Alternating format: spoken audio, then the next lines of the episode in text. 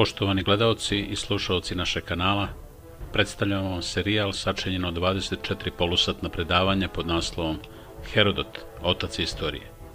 Serijal je inspirisan i u velikoj meri zasnovan na sjajnim predavanjima gospođe Elizabeth Vandiver, dugogodišnje redovne profesorke na Američkom Maryland univerzitetu, autorke nekoliko knjiga iz oblasti istorije i književnosti antičke Grčke i Rima, te dobitnice brojnih nagrada za doprinos u nastavi klasične istorije i književnosti.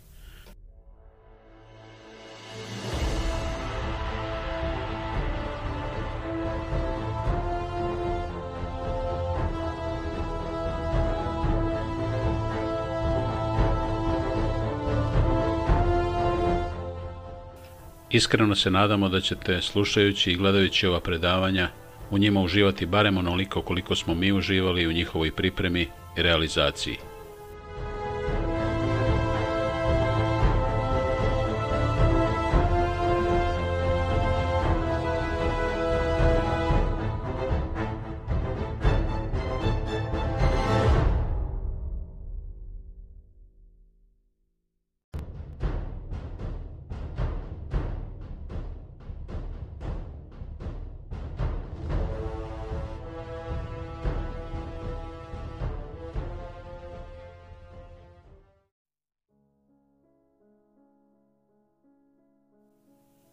došli na prvo predavanje iz serijala posvećenog ocu istorije Herodotu, u kojem ćemo najpre pokušati da definišemo pojam istorije, a zatim i da odgovorimo na pitanje ko je bio Herodot. Nakon toga razmotrit ćemo kontekst u kojem je došlo do pojave istorije kao književnog žanra i ključne događaje koji su doveli do pisanja Herodotovih istorija. Na kraju, ukratko ćemo obrazložiti pristup za koji smo se opredelili u ovoj seriji predavanja. Šta dakle podrazumevamo pod pojmom istorija? Ako bismo Herodotovo delo morali da opišemo jednom rečenicom, u velikoj bismo se većini saglasili da se radi o istoriji grčko-persijskih ratova. Ali šta zapravo mislimo kad kažemo istorija? U svakodnevnom govoru istorija ima dva osnovna značenja. Jednostavnosti radi, hajde da ih ne baš originalno nazovemo istorija A i istorija B. Istorija A označava događaje koji su se zaista desili u prošlosti, bilo da o njima iko išta zna ili ne, bilo da ih je iko ikada opisao ili nije, bilo da su opisi tih događaja tačni ili iskrivljeni. Kad ljudi govore o istoriji, oni veoma često misle na ono što se zaista dogodilo, na činjenice, ljude i događaje koji su se zaista desili u prošlosti.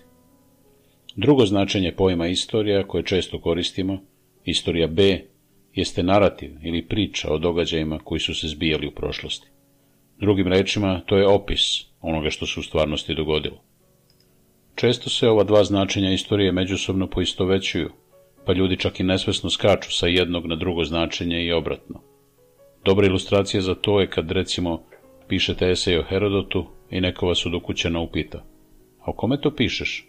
Ko je taj Herodot? A vi odgovorite, to je jedan čika koji je izmislio istoriju na što ta osoba možda prasne u smeh, smatrajući da vi govorite o istoriji u značenju A, koju naravno niko nije mogao da izmisli, jer bi to bilo krajnje besmisleno.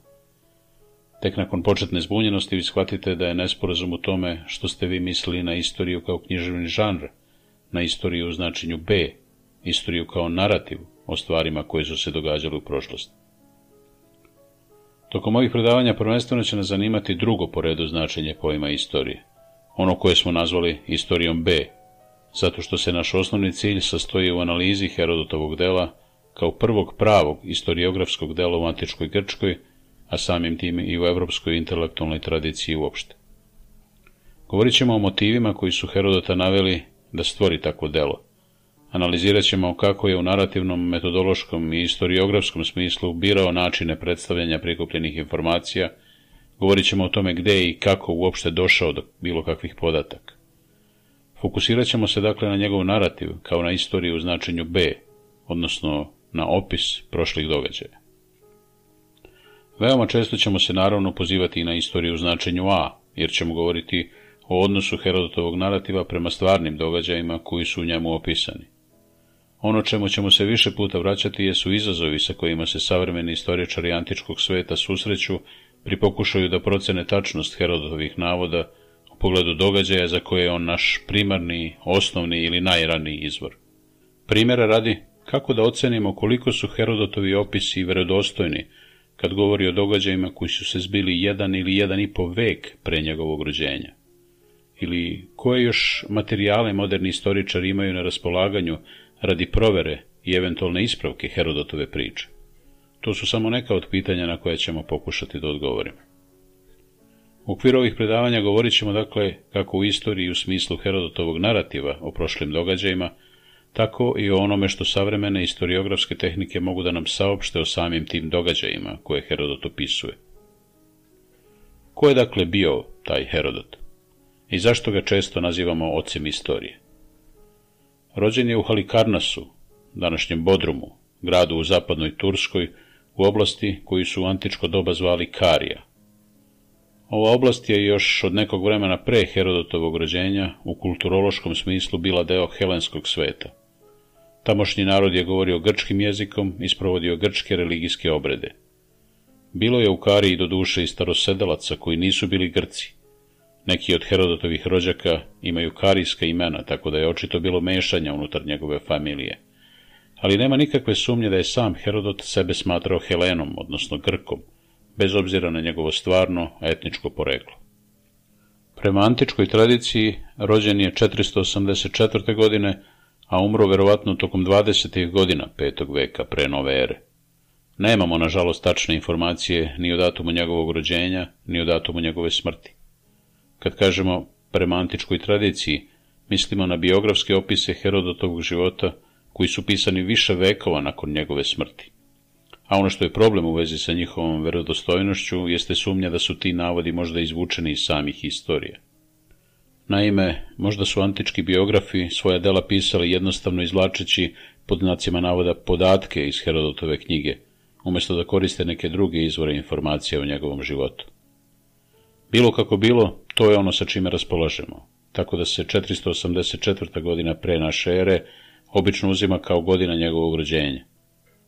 Većina istoričara pretpostavlja da je umro u periodu između 430. i 420. godine pre nove ere. Nažalost, vrlo je malo toga u što možemo biti sigurni u vezi sa njegovim životom između ta dva datuma, koji su već sami za sebe diskutabilni i magloviti. On sam za sebe u istorijama, njegovom jedinom velikom delu, kaže da je mnogo putovao. Ista ona maločas spomenuta antička tradicija – Kaže da je u jednom trenutku proteran na ostrvo Samos, verovatno zbog učešća u poboni protiv tiranina Ligdamisa u svom rodnom Halikarnasu. To je možda bio početak njegovih putovanja, ali to mi jednostavno ne možemo znati za zasigurno. Sasvim je sigurno da je u neko vreme živeo i radio u Atini. Njegovi opisi Atine u istorijama toliko su detaljni da jasno ukazuju da ih je sačinio neko ko odlično poznaje grad i ko je tamo proveo određeno vreme. Postoji čak i verovanje da su on i dramski pisac Sofokle bili dobri prijatelji. Ne znamo da li je to tačno ili ne, mada bi bilo sjajno da jeste. Naravno, ne postoji način da to dokažemo. Takođe je zapisano da se preselio u grčku koloniju po imenu Turium u južnoj Italiji, te da je tamo i umro. Znamo da je Turium osnovan 444. ili 443. godine pre naše ere. Ukoliko je dakle Herodot tamo otišao kao jedan od osnivača kolonije, što bi donekle imalo smisla, to nam onda daje vremensku odrednicu koja označava trenutak iza kojeg Herodot zasigurno više ne živi u Atini, trenutak nakon kojeg sa sigurnošću znamo gde se nalazi. Stoga je veoma primamljivo pretpostaviti da je on zaista otišao u Turijum kao jedan od njegovih osnivača, ali čak ni u to ne možemo biti potpuno sigurni. Bilo kako bilo, zapisano je da je on u jednom trenutku otišao u Turijum i da je tamo umro. Šta više, Pojedini rukopisi njegove knjige započinju tako što autora identifikuju kao Herodota Isturijuma, a ne kao Herodota Halikarnašanina. To su u osnovi svi poznati parametri o njegovom životu i priznaćete da ih nema previše. Znamo da je rođen u Halikarnasu, da je putovao, da je neko vreme proveo u Atini, da je zatim otišao u Turijum kao kolonista i da je tamo umro, ali nemamo ni približno onoliko pojedinosti koliko bismo želeli o tome ko je on u stvari bio, zašto je toliko putovao i kako je uopšte došao na ideju da napiše ovo delo. Zovu ga ocem istorije, uzgled ovu sintagmu skovao je rimski pisac Ciceron, zato što je on prvi od grčkih pisaca koji je uopšte pokušao da u potpunosti ne samo opiše događaje iz nedavne prošlosti, već i da objasni njihove uzroke. U ovoj poslednjoj rečenici ima nekoliko veoma važnih činjenica. Pre svega, Herodot je usred sređena događaje iz nedavne prošlosti, a ne na događaje iz daleke, epske, odnosno mitske prošlosti. Poznato je da je grčka civilizacija u to vreme već raspolagala pisanim delima koja se bave davnom prošlošću. Ilijada i Odiseja očigledno opisuju događaje iz prošlosti, ali je njihova radnja smeštena u davno prošlo doba. Sami Grci to vreme nazivaju herojsko doba i o njemu ćemo više govoriti u jednom od narednih predavanja. Herodot je prvi grčki pisac koji je posvetio pažnju opisivanju događaja iz nedavne ljudske prošlosti, umesto iz davne herojske prošlosti, a usto je bio i prvi koji je pokušao da objasni uzroke tih događaja. Dakle, ne samo da ih ispriča i opiše tako što će reći prvo se dogodilo ovo, pa zatim ono i na kraju to, već i da objasni zašto se sve to događalo, da istraži uzroke. Upravo tu leži historiografski impuls. Do otkrića istorije došlo je onog trenutka kad je Herodot odustao od pukog opisivanja prošlih događaja i pokušao da ih objasni. Nažalost, budući da znamo tako malo o Herodotovom životu, mi ne znamo kada je započeo sa pisanjem, ali većina istoričara smatra da je njegovo delo objavljeno verovatno tokom 20. godina 5. veka pre nove ere. Ima ih i koji misle da se to desilo nešto kasnije, možda u periodu od 413. do 419. godine, ali većina smatra da je to ipak bilo tokom 420. Glavna tema njegovog dela jesu grčko-persijski ratovi, konflikt između Grčke i Persije koji se odigrao u dve epizode. Prva se dogodila 490. godine, a druga u periodu od 480. do 479. godine pre nove ere. Herodo dakle piše o događajima koji su se zbili manje više oko 60 godina pre nego što je njegovo delo objavljeno. To znači da on piše o događajima koji su još uvek, doduše tek jedva, u živom sećanju ljudi. Da je sačekao još 20-30 godina, ne bi više bilo moguće popričati ni sa jednim preživelim učesnikom persijskih ratova, kojih je i onako verovatno bilo veoma malo u vreme dok je Herodot pisao svoje istorije. Da bi postavio scenografiju za svoju predstavu o persijskim ratovima, međutim, Herodot daje opise najrazličitijih važnih događaja, ljudi i kultura koje se prostiru svuda oko sredozemlja i daleko u prošlost. Drugim rečima, Njegova glavna tema jesu razlozi zbog kojih su Grci i Persijanci međusobno ratovali, ali radi definisanja konteksta za narativ o toj temi, on seže podjednako daleko, kako u geografskom smislu, opisujući udaljene civilizacije poput Egipta, Skitije ili Vavilona, tako i u vremenskom smislu, pokušavajući da što je moguće dalje u prošlost trasira uzroke neprijateljstva između Grčke i Persije, istoka i zapada, Azije i Evrope. Na osnovu ovog etnografskog i hronološkog raspona njegovog dela, Herodota bismo isto tako lako mogli nazvati ocem etnografije, ocem antropologije, čak i ocem putopisa ili, ako baš hoćete, ocem turističkih vodiča. Upravo zbog toga njegova knjiga predstavlja nevjerovatno zahvalno i fascinantno štivo za čitanje, ali joj je isto tako užasno teško svrstati u bilo koju kategoriju. Zovemo je istorijom jer se njena osnovna tema sastoji u opisu grčko-persijskih ratova, ali u njoj ima toliko mnogo toga drugog da ju je skoro nemoguće strpati u bilo koji zaseban književni žanr, jer zaista ni jedna slična knjiga nije napisana ni pre ni posle Herodota. Takođe je veoma teško opisati osjećanje koje ova knjiga u čitavcu izaziva, ili pak tokom jedne ovakve serije predavanja preneti drugima o čemu se u njoj radi i koliko je ona bogata i višeslojna. Treba naime odabrati ono o čemu na ovim predavanjima govoriti, a šta izostaviti, tako da smo silom prilika morali da izostavimo mnogo toga, uključujući i neke od Herodotovih najlepših anegdota. Stoga vas pozivam da ovo delo što češće i što pažljivije iznova iščitavate ili da ga u formi audio knjige preslušavate na ovom istom YouTube kanalu. Uveren sam da će vam to doneti neistrpne časove vrhunskog uživanja. Njegova glavna tema su, međutim, van svake sumnje grčko-persijski ratovi, a oni se obično opisuju kao jedna ili dve uzastopne persijske invazije na Grčku, zavisno od toga kako na to gledate. Jedna stvar koju je veoma važno shvatiti na samom početku jeste činjenica da u antičko doba Grčka nije bila ujedinjena država, da nije postojala nikakva grčka nacija. Kad kažemo da je Persija u dva navrata izvršila invaziju na Grčku, To ni izbliza nije isto kao kad je, recimo, Sovjetski savez napao Afganistan ili kad su SAD napale Irak. U antičko doba nema nikakve ujedinjene Grčke, već se radi o skupu nezavisnih gradova država sa najraznovrsnijim načinima vladavine.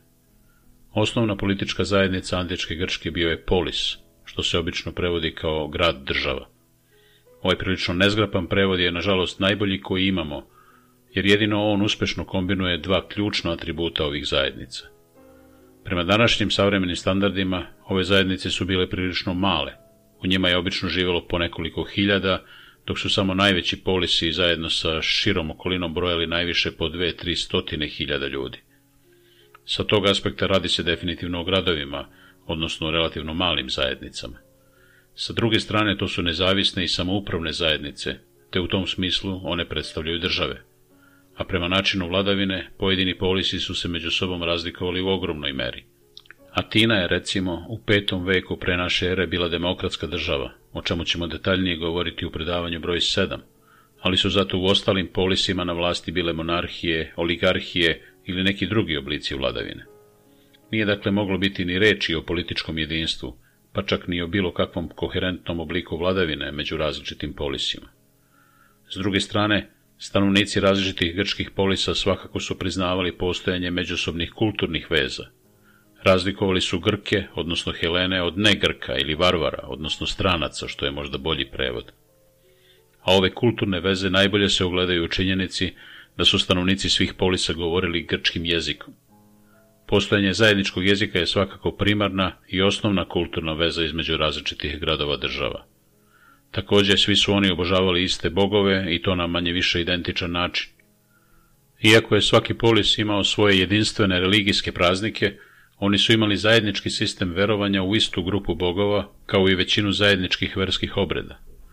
Nadalje, svi su priznavali jedne te iste verske hramove, poput Apolonovog hrama u Delfima ili Zevsovog u Dodoni. Bilo je još i raznih drugih kulturnih i običajnih veza među grčkim polisima, ali u vreme invazije Persijanaca svakako nije bilo nikakve grčke nacije, niti nekog centralnog političkog vođstva. Šta više, ono što podrazumevamo pod pojmom antičkog helenskog sveta u mnogome se razlikuje u geografskom smislu od moderne grčke države. Grčki gradovi države bili su raštrkani duš Sicilije, kao i na teritoriji današnje Turske, gde se nalazi i Herodotov rodni Halikarnas. Prema tome, Jedna od najznačajnijih činjenica u vezi s grčko-persijskim ratovima jeste visok stepen ostvarenog jedinstva grčkih polisa u cilju odbijanja persijske invazije, jer postojeće kulturne veze između grčkih polisa ni u kom slučaju nisu isključivale neprijateljstva i rivalstvo među njima. Nije naime bilo nimalo neuobičajeno da jedan polis zarati protiv drugog. Utoliko sposobnost ovih nezavisnih i često međusobno neprijateljski nastrojenih državica da se, zarad odbrane od zajedničke opasnosti 490. a naročito 480. godine pre naše ere je tako snažno ujedine, zaslužuje još veće divljenje. Sistem polisa se najverovatnije razvio tokom 8. veka pre naše ere, mada u to ne možemo biti potpuno sigurni zbog nedostatka pisanih dokumenta iz tog vremena, bez kojih je nemoguće shvatiti kada je i kako tačno došlo do razvoja sistema gradova država. U ovom trenutku bi bilo korisno da se na brzinu upoznamo sa standardnom podelom antičke istorije na periode, koju istoričari koriste isključivo kao referentne tačke radi lakšeg sporazumevanja. Primjera radi, maločas spomenuti 8. vek spada u period koji antički istoričari označavaju kao arhaični period – Grčka istorija je podeljena na nekoliko vremenskih perioda, a za potrebe ovih predavanja najvažniji su arhaični i klasični period, jer su se tokom njih odigravali događaji na koje je Herodot prvenstveno usred sređe. Celokupnu grčku istoriju, dakle, delimo na sledeće periode. Bronzano doba, koje traje od 3000. do 1150. godine pre naše ere. Ono se dalje deli na rano, od 3000. do 2100 srednje od 2100. do 1600. i kasno bronzano doba od 1600. do 1150. godine pre naše ere. Čuvena mikenska civilizacija svoj procvat je doživala upravo tokom kasnog bronzanog doba. Mikenci su govorili jezikom koji predstavlja najraniji oblik grčkog jezika i imali su pismo, zahvaljujući kojem uopšte i znamo da su koristili raniji oblik grčkog, jer je ovo pismo uspešno dešifrovano. Nažalost, barem sa stanovišta književnosti, Mikenci nisu za sobom ostavili ni jedno književno delo. Sačuvani pisani dokumenti iz tog perioda uglavnom sadrže spiskove dobara, popisne liste kraljevskih palata i slično. Ali čak i takva dokumenta dovoljan su dokaz da su pripadnici ove civilizacije iz kasnog bronzanog doba zaista govorili grčkim jezikom i da u tom smislu zaista predstavljaju pretke kasnije grčke kulture. Mikensko doba je prvi vrhunac grčke civilizacije i što je najinteresantnije, čini se da kasniji grčki mitovi, mitovi koje su spevali Homer i drugi autori, odražavaju nešto od stvarnih sećanja ljudi iz mikenske kulture, koje su vekovima prenošena putem usmenog predanja. Primjer radi mit o Trojanskom ratu najvjerojatniji govori o ratu koji se zaista vodio između gradova Mikenske Grčke i grada Troje u Maloj Aziji, a danas je potpuno sigurno da se u mitu o Trojanskom ratu, koji je između ostalog prikazan i u Homerovoj Ilijadi, pominju stvarni nazivi mikenskih gradova, čije su ostatke arheolozi pronašli tokom poslednjih stotina godina. Mikenska civilizacija zgasla je oko 1150. godine pre naše ere, nakon čega grčka istorija ulazi u period koji istoričari nazivaju mračno doba i koje traje do 776. godine pre naše ere. Naravno, sve ove periode treba shvatiti kao ništa drugo do usvojenu konvenciju podele jednog razdoblja. Zašto baš 776. godina? Zato što je to godina održavanja prvih olimpijskih igara, te stoga tu godinu, prema dogovoru, uzimamo kao prekretnicu koja označava završetak mračnog i početak arhaičnog doba. Mračno doba je ime dobilo najvećim delom zbog toga što u tom periodu Grčka nema pismo, što naravno u mnogome otežava rekonstrukciju istorije tog vremena, jer nam za to nedostaje pisana dokumentacija. Arhaični period traje od 776. godine, kada su se održale prve olimpijske igre, do 490. godine pre naše ere, odnosno do prve persijske invazije na Grčku, dok klasično doba traje od 490. do 323. godine pre naše ere, odnosno do smrti Aleksandra Velikog Makedonskog. Kao što smo već naglasili, ova podela je potpuno veštačka, jer je svima jasno da se niko nije probudio 1. januara 776. godine pre nove ere i rekao, e pa, to bi bilo to, gotovo je s mračnim periodom, dobro nam došlo arhaično doba. Ipak ova podela odražava šire kulturne promene i savremeni istoričari je u velikoj meri koriste, te ćemo i mi tokom ovih predavanja pomenjati kad to bude prikladno. Pišući svoje delo, Herodot je, kao što je već rečeno, ujedno razvijao jedan potpuno novi žanr. Niko pre njega ništa slično nije uradio. Treba međutim shvatiti da se ovakva postignuća, kao što je razvoj novog načina pisanja ili novog žanra, nikada ne događaju u civilizacijskom vakumu. Mnogo je faktora koji su doprineli Herodotovom izumu žanra istorije u 20. godinama 5. veka pre nove ere, mnogi su razlozi što se to dogodilo baš tada, upravo na tom mestu i baš na tu temu koju je on izabrao za svoje delo. Da bismo ovde u najkraćim crtama i na brzinu izložili pozadinu čitave priče, na koju ćemo se više puta vraćati, pomenut ćemo samo neke od ključnih kulturnih i političkih promena koje su se odigrale na dve lokacije. U Joniji, oblasti koja se nalazi na krajnjem zapadu današnje Turske, neposredno severno od Herodotove rodne Karije i u Atini. Ključne kulturne i političke promene u Joniji možemo podeliti u dve vrste. Intelektualne prodore i promene koje se tiču oblika vladavine u jonjanskim gradovima državama. U šestom veku pre naše ere Jonija prolazi kroz period intelektualnog razvoja koji se često naziva jonjanskim prosvetiteljstvom. To je jedan od onih istorijskih perioda kad se čini kao da se intelektualna strana čitavog jednog društva na jednom probudila iz sna i počela da rešava stvari – da razmišlja, da priča i da osmišljava nove načine pogleda na svet. Jonjansko prosvetiteljstvo postavilo je temelje za najveći deo kasnije grčke filozofije i nauke i nedvosmisleno je uticalo i na razvoj istoriografije. O prosvetiteljskom periodu u Joniji na dugačko i na široko ćemo govoriti u petom po redu predavanja. Političke promene koje su bile od ključnog značaja za Herodotov rad odnose se na pobunu nekoliko jonjanskih polisa protiv njihovih persijskih vladara, koja se odigrala u periodu od 499. do 494. godine pre naše ere. Ionija je bila pod persijskom upravom od približno 546. godine pre naše ere. O pobuni koja je dakle započela 499. godine opširnije ćemo govoriti u predavanju broj 16. Za sada treba samo reći da je pobuna bila neuspešna, da jonjanski polisi nisu uspeli da se oslobode persijske vladavine, ali i da je ona imala ključno važne posledice na ostatak helenskog sveta i da je manje više direktno dovela do invazije Persijanaca na Grčku 490. godine. Ono što je međutim još važnije od političkih i intelektualnih zbivanja u Joniji jeste kulturni i politički uspon Atine sredinom i krajem 6. veka pre nove ere. Kao što je već rečeno, Herodot je neko vreme živeo i radio u Atini, mada ne znamo kada je to bilo, nikoliko dugo je trajalo. Atina je bila intelektualno i kulturno središte Grčke u petom veku pre naše ere. Interesantno je i to da grčko-persijski ratovi i tekako imaju veze sa rastućim značajem Atine u petom veku.